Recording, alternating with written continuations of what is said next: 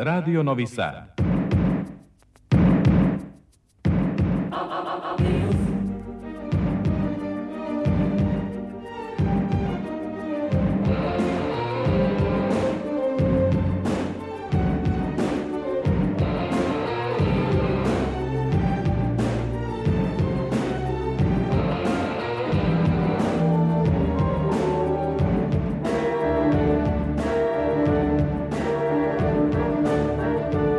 Spektar.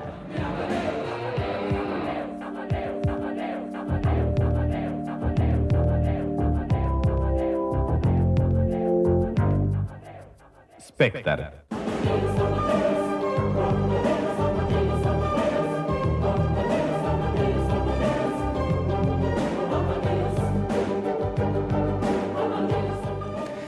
Deset je sati i 14 minuta. Dobro večer, dragi slušaoci. U večerašnjoj emisiji Spektar nekoliko pogleda unazad u to šta se zbivalo u kulturi protekle sedmice i unapred najavljujemo razne dešavanja.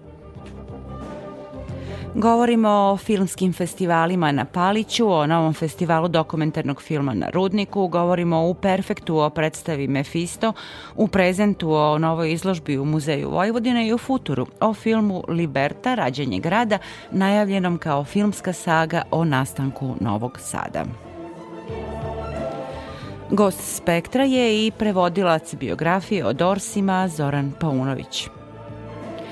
A ja sam Aleksandra Rajić, narednih sati poslušate Radio Novi Sad, magazin za kulturu Spektar.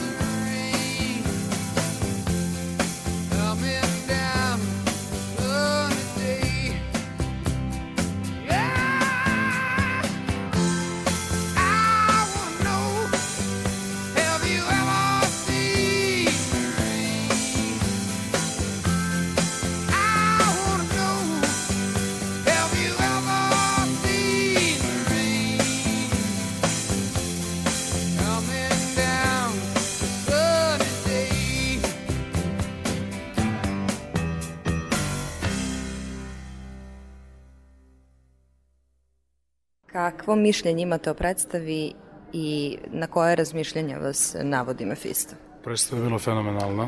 Neki su se možda žalili na trajanje predstave, ali meni je baš bilo super i to trajanje. Pa možda položaj tog glumca u tom, tom dobu, Hitlerovom dobu, nacističkom periodu. Predstava je fantastična. Glumci su bili predani toliko da sam ja oduševljena. Predstava je dugo trajala, vreme je toplo, bilo je nama naporno, a verujem i glumcima. Odlični su. Jako sam zadovoljna i moje pratnja i svi. Dobro, ovo je meni već, ja sam žena 67 Ej, godina. čao. I informisana sam, dosta čitam knjige, upućena sam u to. Ali ovaj način, ovaj prenošenja svih tih, eh, kako to kaže, impresija, ajde tako kažem, je fenomenalan. Ja, eh, tačno je što su um, potrefili suštinu tako obimne materije. Bili su to utisci publike sa premijere predstave Mefisto po romanu Klausa Mana i u režiji Harisa Paševića koja je sinoć zatvorila 161. sezonu Srpskog narodnog pozorišta. Reditelj Haris Pašović istraživao je, kako kaže, u priči o nemačkom nacizmu nultu tačku zla naše civilizacije. Glavna uloga poverena je mladom glumcu Aljoši Đidiću. Sa njim je razgovarala Ana Čupić.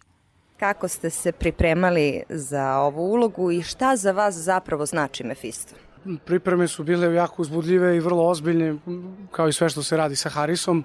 Istraživanje pre svega na, na, na mnogo nivoa, i u smislu teorije, i u smislu istorijskog konteksta, i u smislu šta znači to biti glumac u ovom vremenu, šta znači to biti glumac u nacističkoj Nemačkoj, kako izgledalo pozorište tada, kako izgledaju političari sada, sve, sve, sve detaljno. Dolazili su nam profesori koji su držali predavanja iz raznih sfera.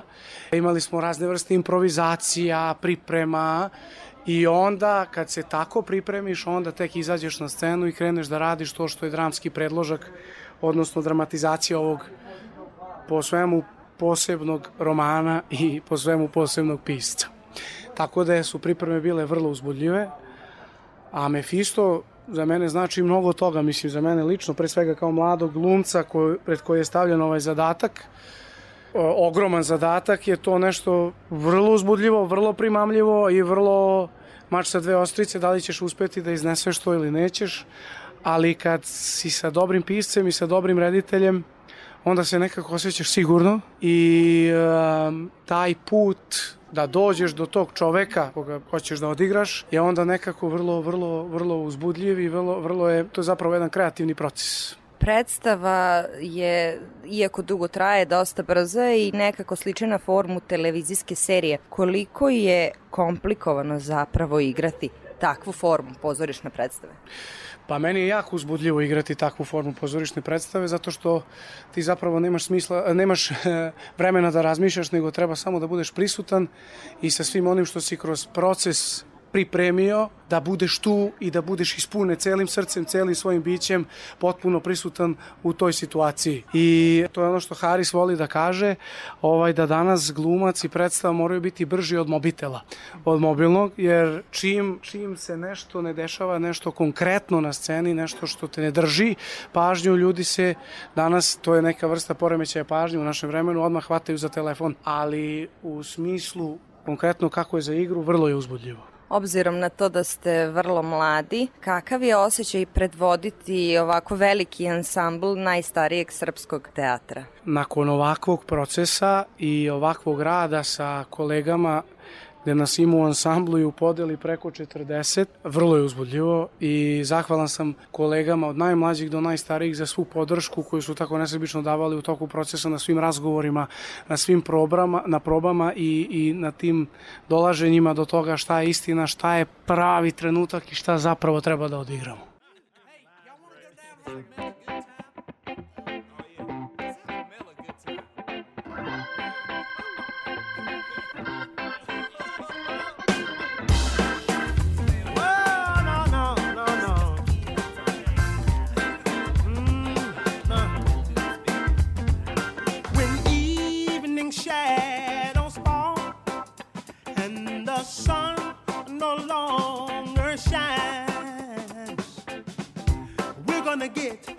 together. We're gonna have a mellow good time.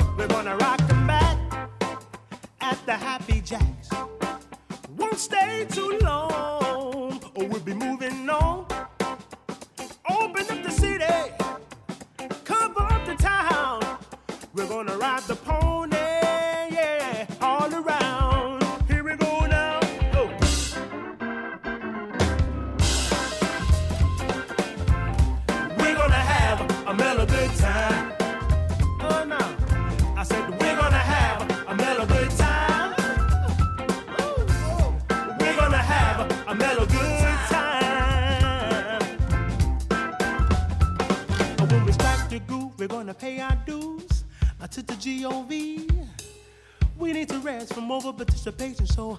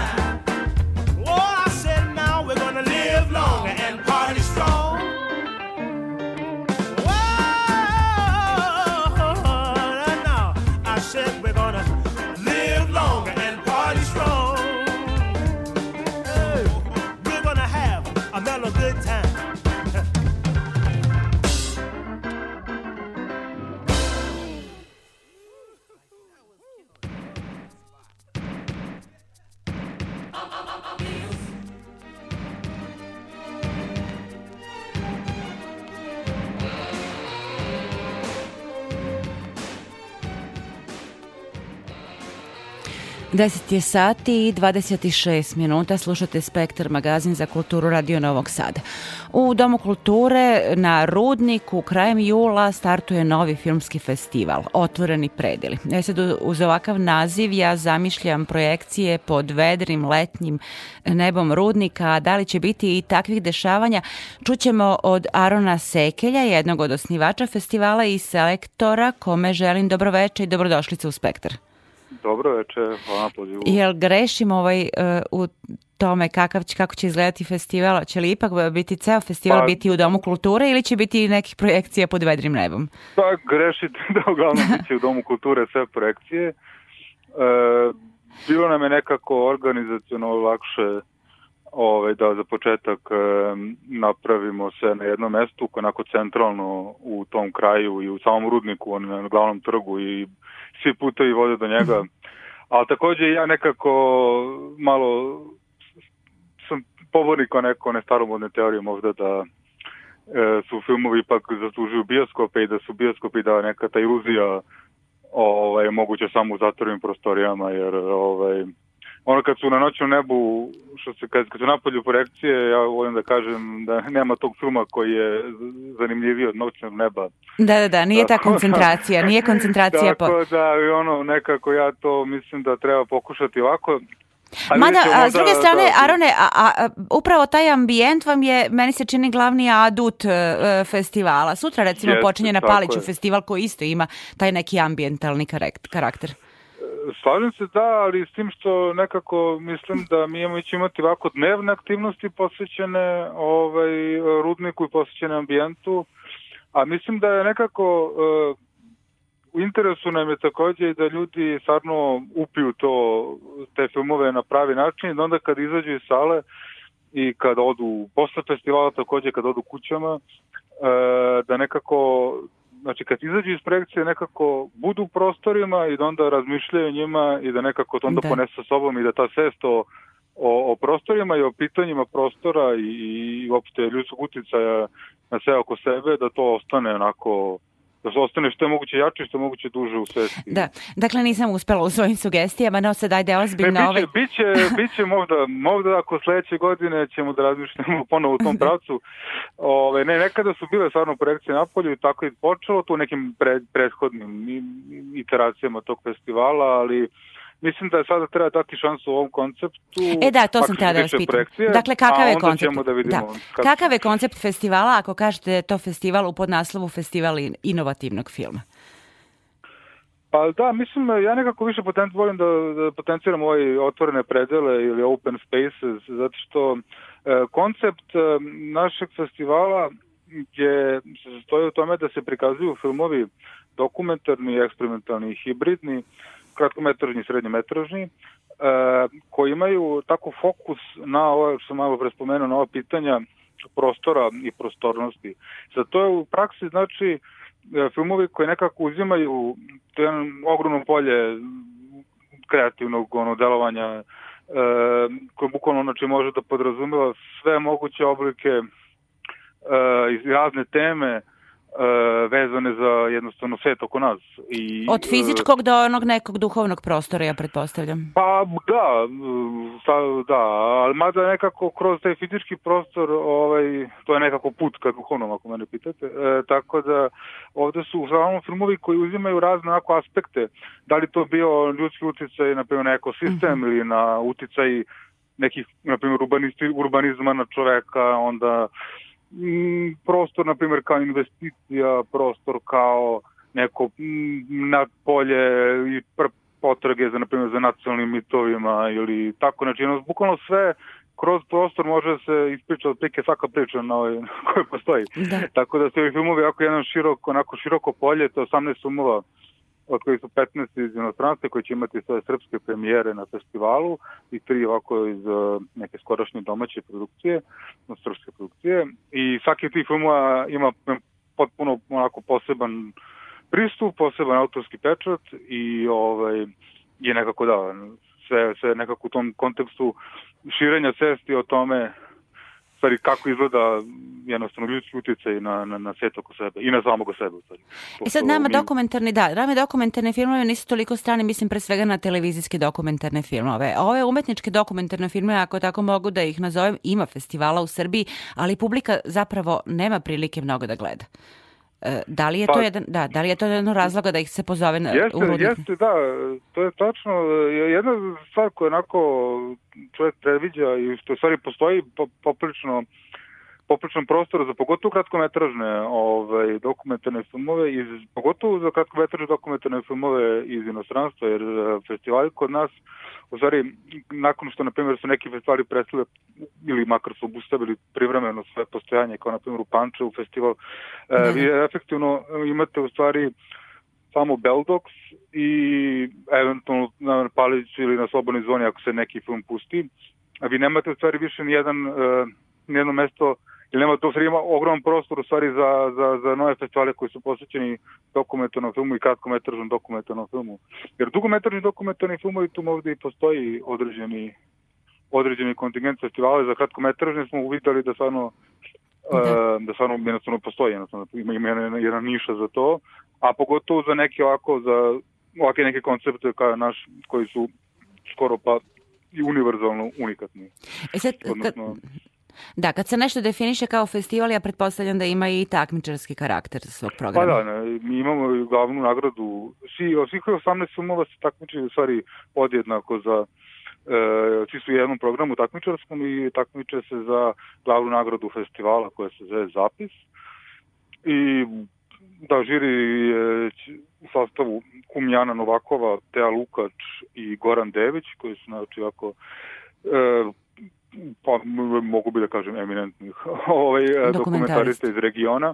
Um, i oni će znači ja to odlučivati o toj nagradi mi ćemo vjerojatno možda neki ovaj neću da ulazimo njihove jel da, Da. ovaj njihovu odluku da li će biti nekih onako posebnih e, priznanja žiri ali uglavnom ta jedna glavna nagrada o njoj reči i postoje postoji revijalni program takođe e, koji e, koji će biti na izbor od četiri filma mladih dokumentarista polaznika radionice Atelja Varan u Beogradu ove, zime, od koje je bilo ove zime.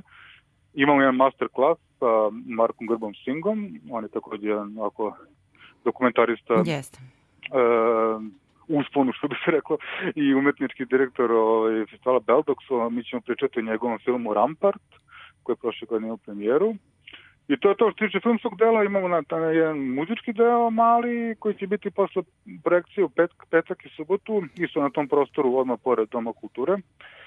Ove, I to je, eto, imamo taj rudnik E, da. kao, za sve ostalo tu je rudnik, kako se kaže. Da, e, dva, tri dana traje festivala, prilično onako obiman program. To znači da imate infrastrukturu dobru do, za ceo festival. Pa imamo želju, imamo prostor, Imate, imamo da. tehniku, valjda, nadam se koja Da, da, radi. da. I to je to. Aha. No, ništa, želim vam puno sreće. e, Nadam se da se e, e, jednom prilikom, možda ne ove godine sigurno, ali jednom prilikom vidimo tamo na rudniku. Možda i izmenite neke koncepcije ovaj pa vidite, festivala. da, Da, da, radi, radit ćemo na tome da, da nekako to ima smisla sve. Ove, kako se, a kako, ove, što kaže, ako poživimo uspešno, e, gledat ćemo kako da kako se kaže, da napravimo nekako Mhm. to, da svi budu zadovoljni na ovaj način, ali mislim da ne treba da se stvarno plaše, jer ovaj, nije to tako, ovaj, nije strašno ići unutra u salu, e, biće, ovaj, nije to toliko, ovaj, jeste leto svi očekuju, ali mislim da vredi ovaj, taj stvarno pozvao bih sve ovaj, zainteresovane od 29. do 31. ili jedan od ta tri dana da navrate i verujem da će biti ako ništa drugo pogledat će jedne onako vrlo jedne, neki na, proširit će onako svoje poglede na dokumentarni film, to je sigurno. Ništa, pretpostavljam da ćemo čuti, e, e, čujemo se zapravo u vezi sa novim informacijama ovaj, do kraja festivala. E, Želim vam puno sreće i hvala na ovom razgovoru. Hvala vam puno na pozivu i hvala na lepim željama. Poštovani slušalci, moj sagovornik bio je Aron Sekelj.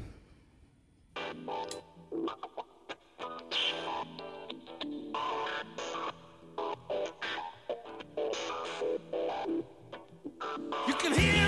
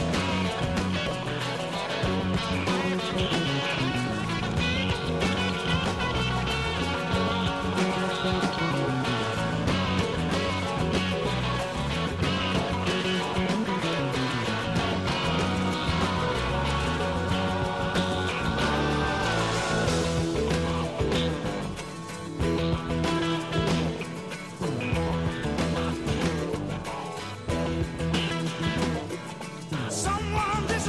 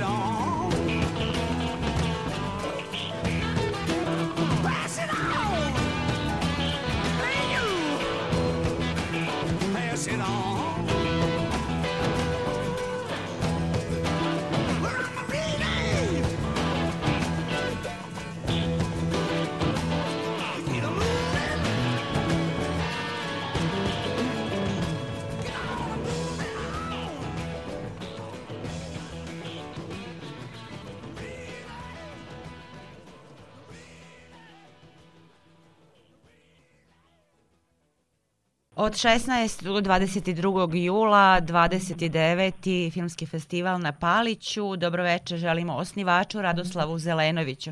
Dobroveče. Radoslave, najpre čestitke, 30 godina od osnivanja, 29. izdanje. Kažete u jednom razgovoru da ste od početka znali šta želite kada ste osnivali Palićki festival. Šta to znači? Pa kada su me pozvali te 92. godine i rekli da žele da naprave festival, mislim pre svih na Blažu Perovića, tadašnjeg direktora otvorenog univerziteta, ja sam mislio da je to za narednu godinu, međutim to je bilo u maju mesecu, oni su mislili za mesec jul te iste godine i predložio sam da mi probamo prvo da vidimo kapacitete, tada su bili još projektori u kakvom su stanju i dobro je da smo to tada tada uradili. Nije dobro to što sam ja te godine sa mesta urednika visokog programa otišao u kinoteku da budem direktor kinoteke, a još manje je bilo dobro to što je to bilo u vreme kada su zemlji uvedene sankcije. E sad, praviti međunarodni filmski festival u sred sankcija, to niti je bilo lako, niti je bilo jednostavno. Ja ne znam da li bi se sad usudio da tako nešto napravim, ali tada smo to uradili. E, taj prvi festival je bio nulti, gde smo mi mnogo toga videli šta fali i ono što je mene, kako bih rekao, pod navodnicima, kupilo u toj prvoj priči sa Blažom Perovićem, Uh, on je rekao, znaš kako, deset godina ćemo tražiti koncept festivala. Jer apsolutno najvažnije, a radio sam stotine, stoji 30 recimo festivala u životu i kada festival ima precizan koncept. Znaš šta hoćeš, znaš koga zoveš, znaš kako praviš festival i mi smo stvarno 10 godina pokušavali, bili nacionalni, internacionalni, pa jedan žiri, pa dva žirija i da vam ne prepričavam šta se sve dešavalo. I 2003. godine smo odlučili da to bude festival evropskog filma. Na ogromno čuđenje i iznenađenje mnogih oko nas. Ja sam bio potpuno uveren da je Subotica jeste mesto gde takav koncept može da prođe i veoma se radujem što smo bili hrabri u to vreme, jer evropski film nije imao bog zna kako prođu ni u bioskopima, niti je bilo neko preveliko interesovanje. Kažem, bili hrabri da se upustimo u tu avanturu koja se pokazala dobrom, jer Kao što znate, 2017. godine Evropska unija je naš festival proglasila za najbolji filmski festival u Evropi, što je naravno nama svima važno i tekako, a s druge strane nije nezanimljivo da u jednoj zemlji koja nije članica Evropske unije prvo postoji festival evropskog filma, a onda još bude proglašen za najbolji evropski filmski festival. Palički festival, ja bih rekla, danas je prepoznatljiv po, eto, po nekim stvarima u koje spadaju e, visoki kriterijumi, pa jedna uh, istinska filmska ili ako bih mogla da kažem umetnička atmosfera, ambijent, potom uh, lokalno i po toj atmosferi po gostima. Šta kažu zapravo gosti kad dođu, a bilo ih je zaista vrhunskih evropskih filmskih stvaralaca? Znati sami, stvarno se pazi na to koji se filmovi dovode. Recimo ove godine u glavnom biće ukupno 130 filmova iz 15, u 15 programskih celina i Palički festival je učinio nešto što možda mi tada nismo ni pretpostavljali da je on de facto počeo 2. jula na, sa programima koji se dešavali u bioskopu Eurocinema Best of Europe, sedam filmova i Europe for Kids, sedam filmova, da je on u toku još uvek program klasici na trgu i u toku su omaži dobitnicima nagrade Aleksandar Livkar. Znači, on je neka vrsta filmskog leta u Subotici i na Paviću. I tih 15 programa pružaju stvarno nevjerovatan uvid u to šta se događa i u igranom filmu i u dokumentarnom filmu, jer ne zaboravite, u glavnom programu od 12 filmova učestvuje čak 18 zemalja koji su ovaj uh, učestvuju u stvaranju tih filmova, da od ne znam Nemačke i Francuske do do Japana, recimo Azanavićev film je između ostalih finansirao i Japan, A u programu Paraleli Suveri, do koga mi takođe, kao i da svi drugi programa držimo, u 10 filmu učestvovalo čak 17 zemalja. Znači, to je jedan presek toga šta se u tom trenutku dešava u Evropi. Mi imamo jako dobre, imali smo svake godine jako dobre selektore i naravno jedno je festival, to znači gosti i sve ono što sleduje, prateći programi, a drugo je samo prikazivanje filmova. To je onda smotra. To nije festival. Najteže je verovatno bilo, naravno najteže je bilo bezbeđivati filmove dok su bile sankcije, ali najteže je verovatno bilo koristiti te veze koje smo imali po svetu kada smo ustanovili nagradu Aleksandar Livka, a ona je od samog početka, brinuli smo i istoriji filma na tom području, Livka ima i spomenik, ima svoj bioskop i ona je sada nagrada za doprinos evropskom filmu. Dakle, bilo je jako teško da jedan u to vreme mali festival, sad možemo slobodno reći da je on festival srednje kategorije, dovesti ljude poput, ne znam, Janča, Mihalkova, Ken Russella, Mencela, Teja Angelopulosa, Briana Coxa i da ne nabrajam dalje. I, dobro, naši, već, naši se podrazumevali, tu su bili i Milana, i Bata, i Smoki, i Rade Šerbeđija, i Kusturica, i Mira Karanović i tako dalje. I ti ljudi koji su dolazili na festival jesu u stvari neka vrsta uh, retrovizora u kome se naš festival ogleda. Jer, uh, recimo, Ken Loach je došao na 17 sati. Te Angelopoulos je došao isto nešto na jako kratko. Uh, Mihalko je došao na 9 sati da bi ispoštovao našu želju da, da došao na festival i nas kao njegovi kolegi i prijatelje i to je nešto što je uh, dao jako visok dignitet festivalu Pričao mi je svoje vremena Alberto Barbera, koji je inače direktor Venecijanskog festivala i direktor kinoteke u Torinu. Ima jedna slika na pozornici letnjoj, e, s jedne strane e, e, levo od mene Mihalkova, desno je Kusturica.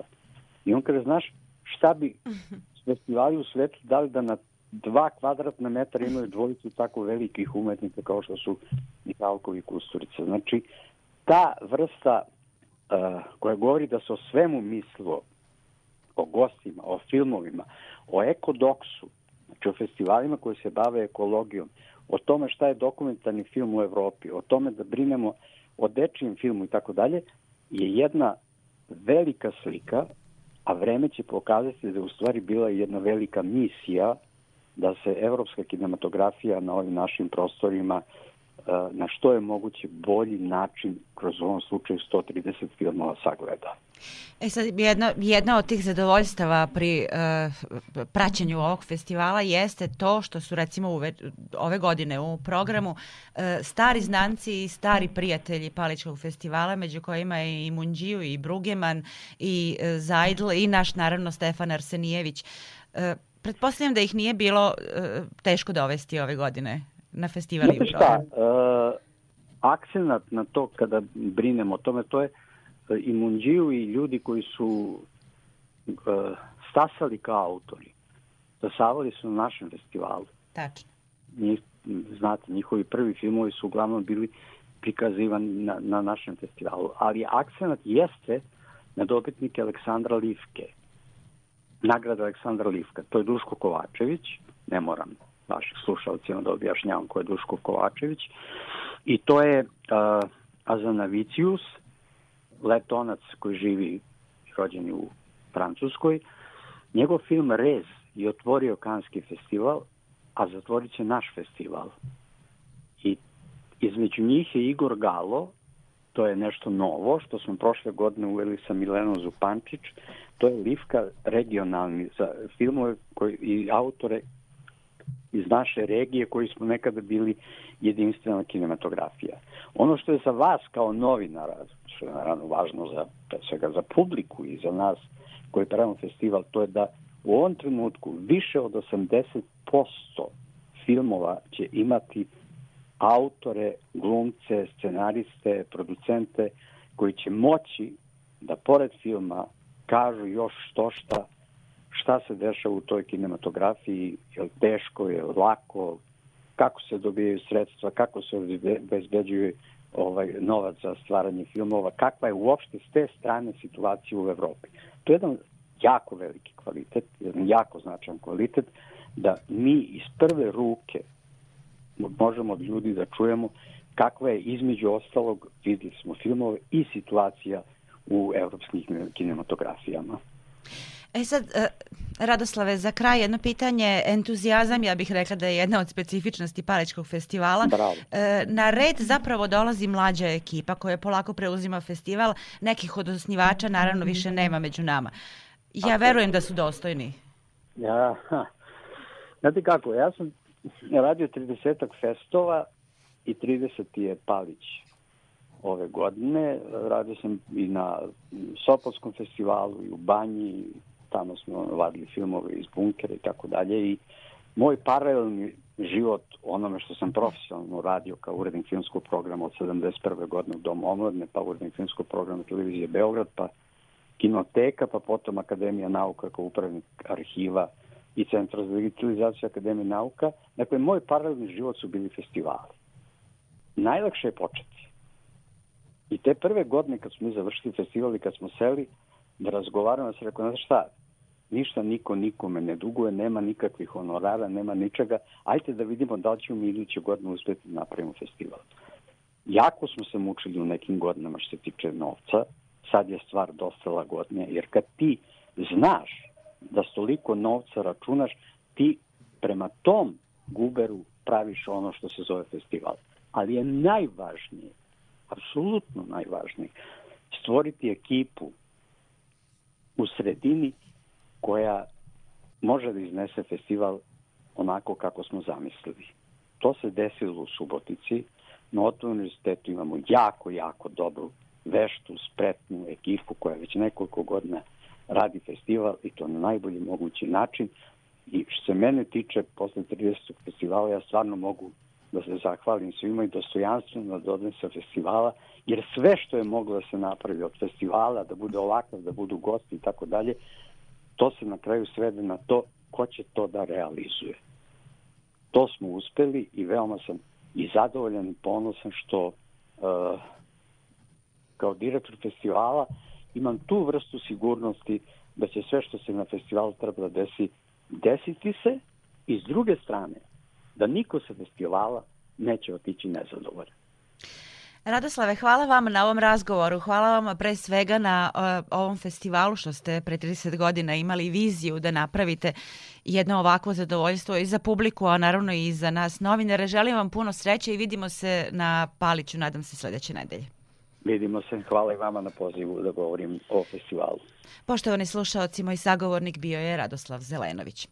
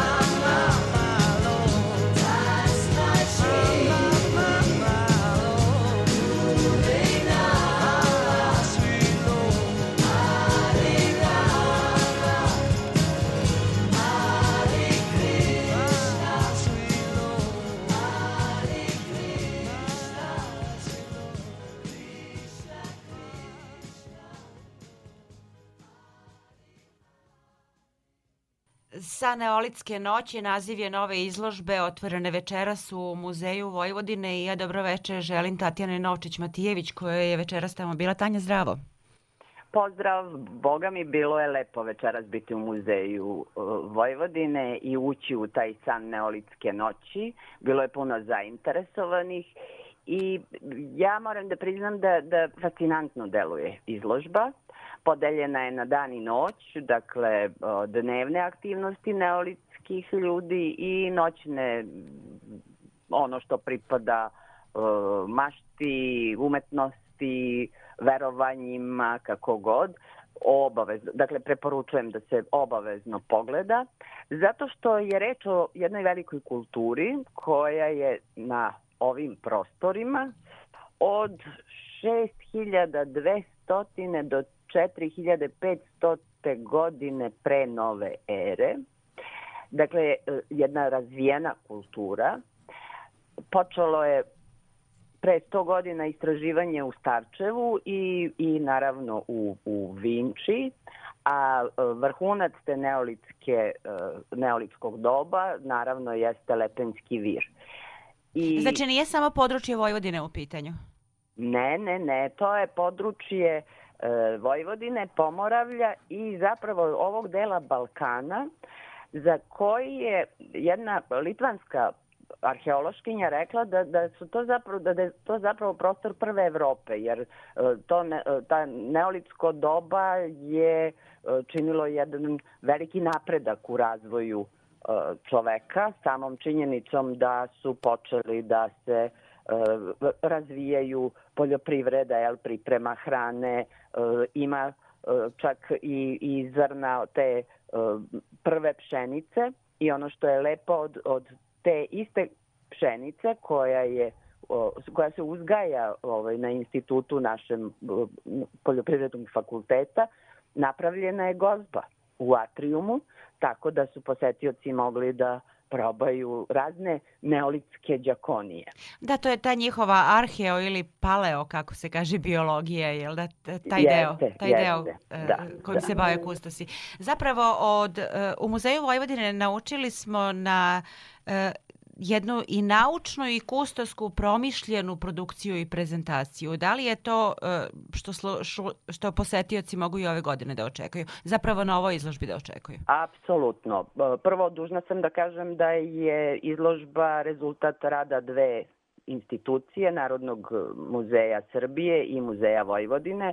E, izložba je već bila u Beogradu i sada je u Muzeju Vojvodine Koncept i dizajn izložbe potpisuje Mija David, a autori izložbe su e, kustoskinja muzeja Vojvodine e, Lidija Balj i kustos Narodnog muzeja Andrej Starović. I ono što je sasvim vidljivo e, od prvog koraka jeste da je uz tu atraktivnost eksponata za posetioce ispisana jedna ozbiljna muzeološka priča kada je reč o, o opremi, o podacima, o, o praktično gradaciji e, sve te priče koju su ova, ove, ovo dvoje autora ispričali. E, inače, naravno, može da se vidi i kako je e, izgledao taj e, praistorijski čovek, projekat MetaHuman čija je autorka dr. Sofija Stefanović, koji je e, bio u Dubaju na onoj svetskoj izložbi i izazvao veliko interesovanje, evo ga sada i u Muzeju Vojvodine i bit će tu kao i svi ostali eksponati do 15. oktobra. Dakle, ima dovoljno vremena da se e, pogleda sve e, od takozvane, oni je nazivaju u šali forenzike paleolitske, jel, tih ostataka kostiju, do ostataka recimo e, pribora za jelo, ima e, kašičica za neolitske bebe. Zaista bogata i vrlo kvalitetna izložba. Bogata detaljima, ako sam ja dobro shvatila, pretpostavljam mm -hmm. da mhm. neće biti dovoljno jedan put je pogledati, nego možda više ne, puta. Ne, sigurno ne. Sigurno ne. E, ja sam večeras, jeli sticajem posla, morala da prođem sve, ali odmah sam dobila želju da, da kad prođe taj prvi talas i gužva koja se zove svečano otvaranje, da lagano prošetam kroz muzej Vojvodine, da se zadržim na svim pričama, jer o, neverovatno je stvarno koliko je e, velika i moćna ta kultura i taj, i taj period u razvoju civilizacije. E, Izložba je pod ovim programskim e, lukom tvrđava mira i zapravo time i zatvara. I, I koncept jeste da se pokaže ta kultura mira, jel, za razliku od tih silnih e, ratničkih perioda, ovo je zaista bila u, u razvoju čovečanstva jedna kultura mira. Svakodnevnog života, da. svakode, svakodnevnog života i e, osvajanja svega onoga što je značilo napredak čoveka. Dakle, izložba dugo traje do oktobra. Ostaje nam još samo da pretpostavljam da će biti i e, puno pratećih programa. O tome ćemo već obaveštavati naše slušaoce. I ostaje mi još samo da ih pozovemo da pogledaju. Obavezno, obavezno. Tebi Vredi. hvala na ovim informacijama. E, Eto pošt- toliko iz Muzeja Vojvodine. Poštovani slušaoci, bila je to Tatjana Novčić-Matijević iz Muzeja Vojvodine. There was a time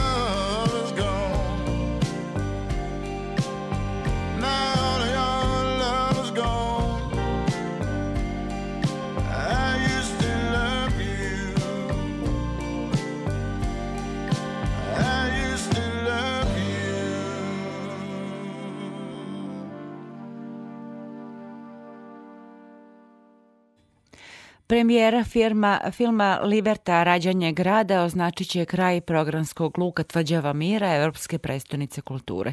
Film će biti prikazan pod vedrim nebom na Petrova Radinskoj tvrđavi u nedelju u 21 čas.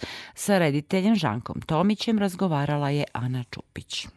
Novi Sad po prvi put u istoriji dobija filmsku sagu o svom nastanku i o odnosima među ljudima. Da li su ti odnosi možda ostali modeli današnjeg ponašanja? zapravo te tako pitanje i, i, i dovede u, ovaj, u, u, do toga da pokušaš da se baviš o, ovakvim stvarima.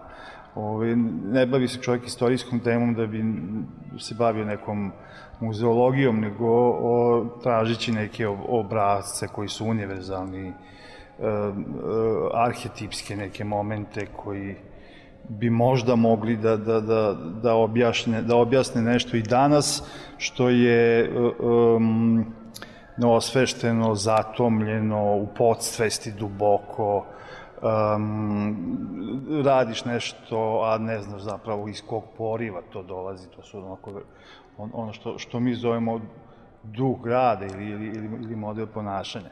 Tako da to nađeš, kad, kad tražiš i nađeš, tako. Novi Sad je zapravo nastao od muke i kad uđeš u, u, u tu prvu polovinu 18. veka, vidiš da je to mesto izbeglica, ljudi koji su zaboravljeni i skrajniti od strane Habsburgske monarhije konkretno u tom momentu, ali ako i generalno skrajniti stanovišta evropske civilizacije, tako da. Stanovništvo šanse čine dve trećine ili tri četvrtine Srbi koji su već treća generacija izbeglice, a izbeglice su zato što ih je car Leopold Marin Deda pozvao na ustanak protiv Turaka, a on će kao da krene da ih potera iz Evrope od zgore sa vojskom, međutim, i oni se dignu, a on se predomislio, tako? Su nisi predomislio, nego su se desili neki konflikti u, u američkim državama, odnosno američkom kontinentu, koji sad njemu upetljao neka savezništva i tako dalje. Kako to već biva, tako? I, a, a drugi, drugi deo stanovništva čine ekonomske emigranti iz Nemačke, siromašni Nemci koji je velika glad odatle poterala ovaj, u, toplije i kako je reklamirano plodnije krajeve. Bukvalno bila reklama dođite u kako kaže, devičansku zemlju, kao, kao nije obrađivana nikada. Te su se oni tako zatekli na, na, na jednom placu koji je zapravo Mokšvara, preko puta tvrđave i jedina prednost je što nije bilo bandi, ili tako ili tvrđava u blizini, znači svog okolo su bile bande. To je jako težak život, to je prosto teška egzistencija. Ti isti Srbi sada su vojno obavezni, odnosno njihovo, njihov izbjeglički status je vezan za njihovu vojnu obavezu prema carevini. Te oni, mučeni, moraju od 15. godine svog života da uzmu pušku i da idu da ratuju. Znate, to, to, pritom, pošto znamo da ih šalju do prve borbene redove, šansa da preživiš je jedan, ono, ovaj, jedan na, na sto, znači vrlo mala šansa da preživiš ovaj, da do, doživiš bilo kakvo punoletstvo ili bilo šta. To su okolnosti sa, sa, sa te strane, s druge strane Nemačka zajednica ima okolnosti opet svoje skrajnutosti, korumpiranog kameralnog provizora koji ih globi, koji im ne da da bilo šta zarade. I takve neke skupine ljudi nevoljnih i, i, i nevoljnika i, i, i zaboravljenih su se stekli u Novom Sadu i od svoje muke odlučili da, da ujedine tu svoju sirotinju i da otkupe od carice status slobodnog carskog grada. U kojoj formi je ispričana priča? Žanovska je forma. Kad, kad čitate te arhive i kad čitate Vasu Stajića, to, tako to, to su neki sudski dokumenti, nekakav svedokšanstva nekih ljudi po ovom i onim povodu i vi gotovo imate neverovatan utisak kao da ste u westernu, kada, kada, kada, kada čitate kakvi su to zapravo odnosi i koliko je to, čak na nivou arhitekture, dobro, srpski deo je bio, to su kuće od blata bile, tako dalje, to nema to westernima, ali nemački je bio drveta i to, to već je ličilo malo na, na westernu svemu tome. Ali i odnosi i, i nivo surovosti vremena jako podsjeća na to. Istovremeno to je i tako jedna e, priča o gradu, tako je epopeja o gradu, pa ima i kako je taj neki epski zamah. Istovremeno to je i melodrama o, o glavnim venacima, koji su, kao što rekao, odbačeni, iskravniti, onda možete misliti i na emocionalnom nivou kako je to, kakvi mogu biti ti likovi puni čežnje, a jako zapravo sputan i obespravljen u svemu. Eto, tako da kažem. Pa to nekako onda stvori i avanturu, jednu, ovaj, makar s polja gledamo za njih je drama, kako možda ćemo mi to malo više gledati kao avanturu. Jedan zanimljiv, onako, dosta akcioni događaj filmski, aj tako da kažem, sa elementima, kažem, i melodrame i socijalne drame.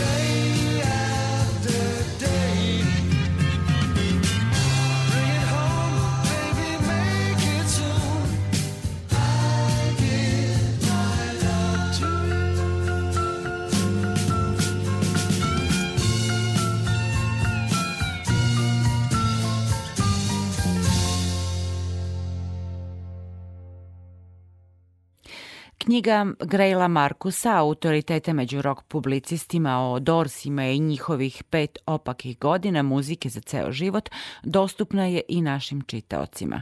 Za izdavačku kuću Clio preveo je Zoran Paunović sa kojim je razgovarala Tatjana Novčić-Matijević.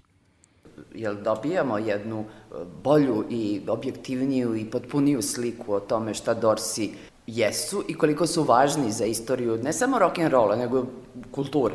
Da, knjiga Grejla Markusa o Dorsima svakako nudi jednu sliku kakvu ni jedna druga knjiga o njima nije dosad ponudila, a ima ih podosta, mogli bismo reći. Neke od njih su prilično korektno ili čak odlično napisane biografije, neke od njih su memoari članova benda, koje takođe dvojica su čak napisala svoja sećanja na Dorse i taj period u kome su svi svirali zajedno. E, Međutim, ono po čemu se Markusova knjiga razlikuje od svih ostalih jeste to da Markus ni ne pokušava ni na koji način da ispriča celovitu priču o Dorsima, celovitu, kad kažem, mislim u smislu faktografije, u smislu nastojanja da ne propusti ni jedan važan element. On želi da ispriča priču u kojoj će se dotaći suštine njihove umetnosti. Priču u kojoj pokušava da odgonetne šta je to i kakva je to magija tu četvoricu ljudi e, okupila i učinila da svako od njih bude mnogostruko bolji muzičar nego što je zaista onda kada su zajedno svirali u grupi.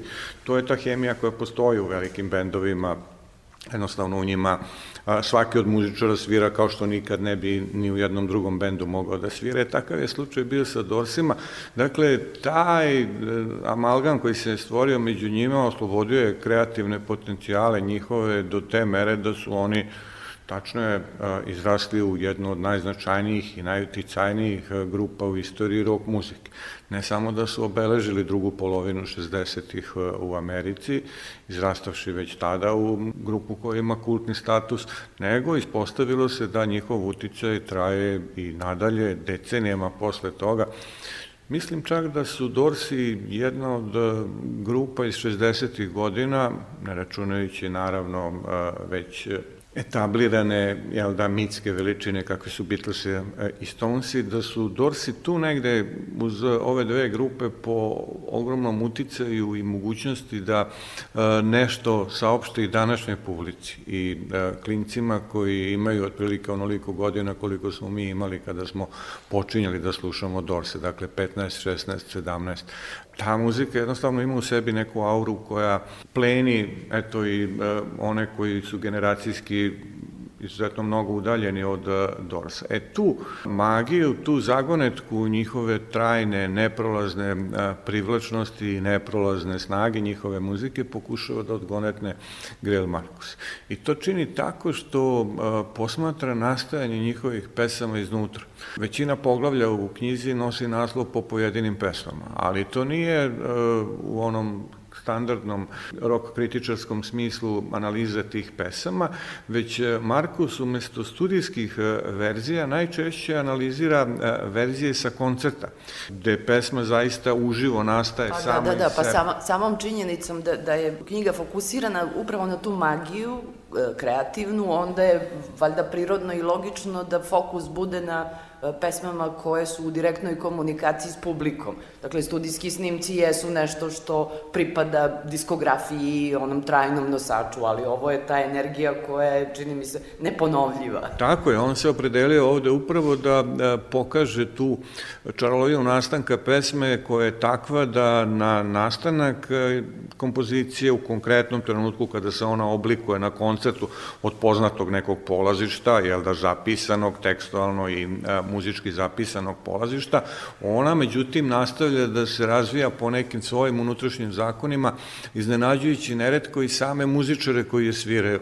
E, baš na tu neizvesnost ukazuje Markus, e, neizvesnost koja ogromno doprinosi dramatičnosti koncerata Dorsa, e, neizvesnost što, koja podrazumeva da ni muzičari ne znaju kom će ih pravcu u narednom trenutku pesma povesti. I ta vrsta dramatičnosti jeste ono što obeležuje e, muzike Dorsa. Pored, naravno, e, svega onog dramatičnog što je u sebi nosila pojava Jima Morrisona. Znamo da je Morrison postao bog, idol. Mm. Njegov grob u, u Parizu redovno se posećuje. I čini mi se da je redko ko od uh, rock and roll legendi zauzeo takav status, takvu poziciju. Zaista ima nešto čudnovato u, u, i u tom odnosu prema Morrisonu.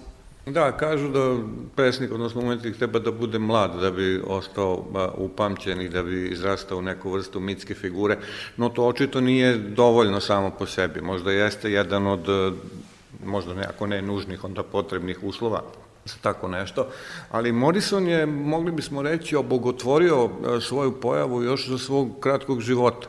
Njegov nastup, njegova pojava, njegov način pevanja, govora, njegov odnos prema publici, sve je to nekako doprinosilo njegovom izrastanju u kultnu figuru, legendarnu još za života.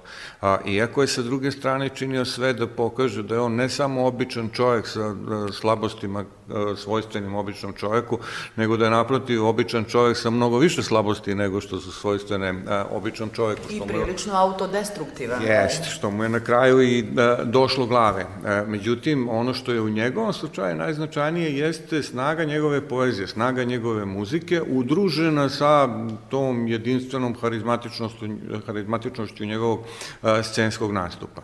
Njegova poezija najpre u svojim najvišim uzletima jeste vrhunska američka poezija 20. veka. Njegova muzika takođe spada u, e, jel da, najlepše i e, najuzvišenije trenutke e, iz čitave istorije rock muzike. Dakle, pre svega njegovo delo, ono što je doprinelo da on na takav način ostane uklesan u istoriju, ne samo rock and roll, ne samo popularne kulture, nego kulture američke uopšte, a onda naravno i onaj prateći sklop faktora koji naravno nikad nije do kraja objašnjiv i treba da ostane zagonetka. Tom zagonetkom se nešto manje bavi a, Markus u ovoj knjizi no što se bavi malo čas spominjanom a, zagonetkom a, veličine i snage muzike Dorsa. On Morisonovom liku pristupa bez imalo idolatrije, ne piše o njemu ni panegirički, niti pak sa željom da ga sroza i da pokaže da e, je to mnogo manje od onoga što kultura podrazumeva da on e, jeste, što kultura i istorija podrazumevaju da on e, jeste.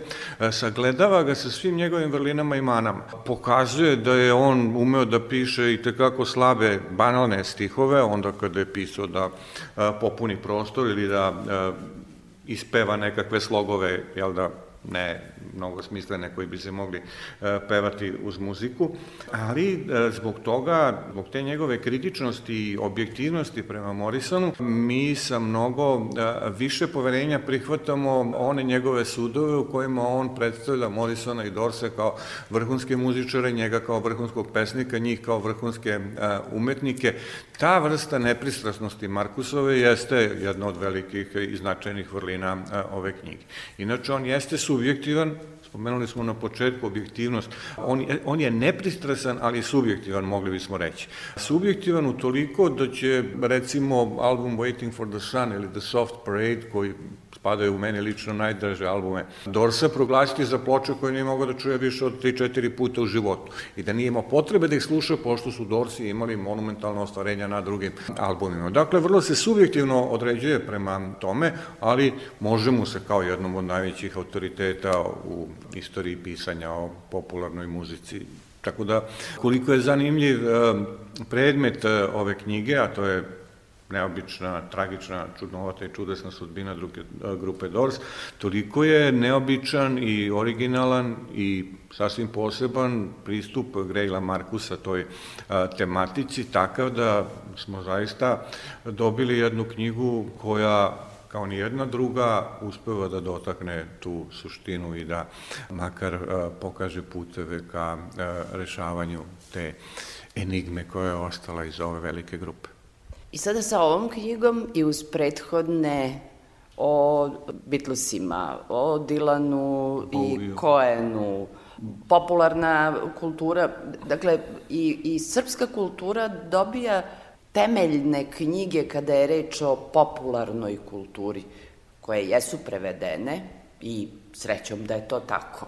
Za mnogo toga ste odgovorni kao, i kao urednik, ali i kao prevodilac. Ja znam da muzika jeste druga velika ljubav, angliste, ali je dobro znati da postoji i taj sloj čitalački koji ima potrebu za takvim knjigama. Da, mene to takođe raduje. Do pre recimo nekih 10-15 godina gotovo da nije bilo takve literature uopšte kod nas. A onda je neko primetio da biografije značajnih rock muzičara i tekako imaju svoju publiku i onda e, prilično je dobro pokriven taj neki e, deo istorije e, rock and rolla koji obuhvata klasična velika etablirana imena.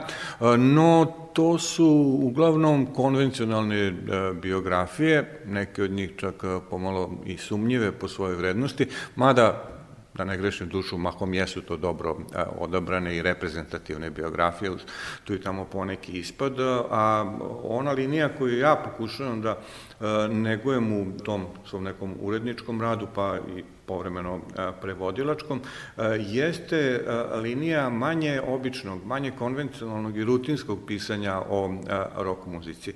Ono pisanja koje pokazuje da je reč o zaista legitimnoj umetnosti koja nije tek popularna jedna pojava sa primesama ovde onde e, umetnosti, nego koja pokazuje svu ozbiljnost e, fenomena rock'n'rolla i njegovu duboku ukorenjenost u kulturu 20. veka, druge polovine 20. veka. Nažalost, čini mi se ne toliko i 21. veka. Kada govorimo o svemu ovome, kao da govorimo o jednoj priči koja je ipak okončana sa prvim godinama ovog e, veka.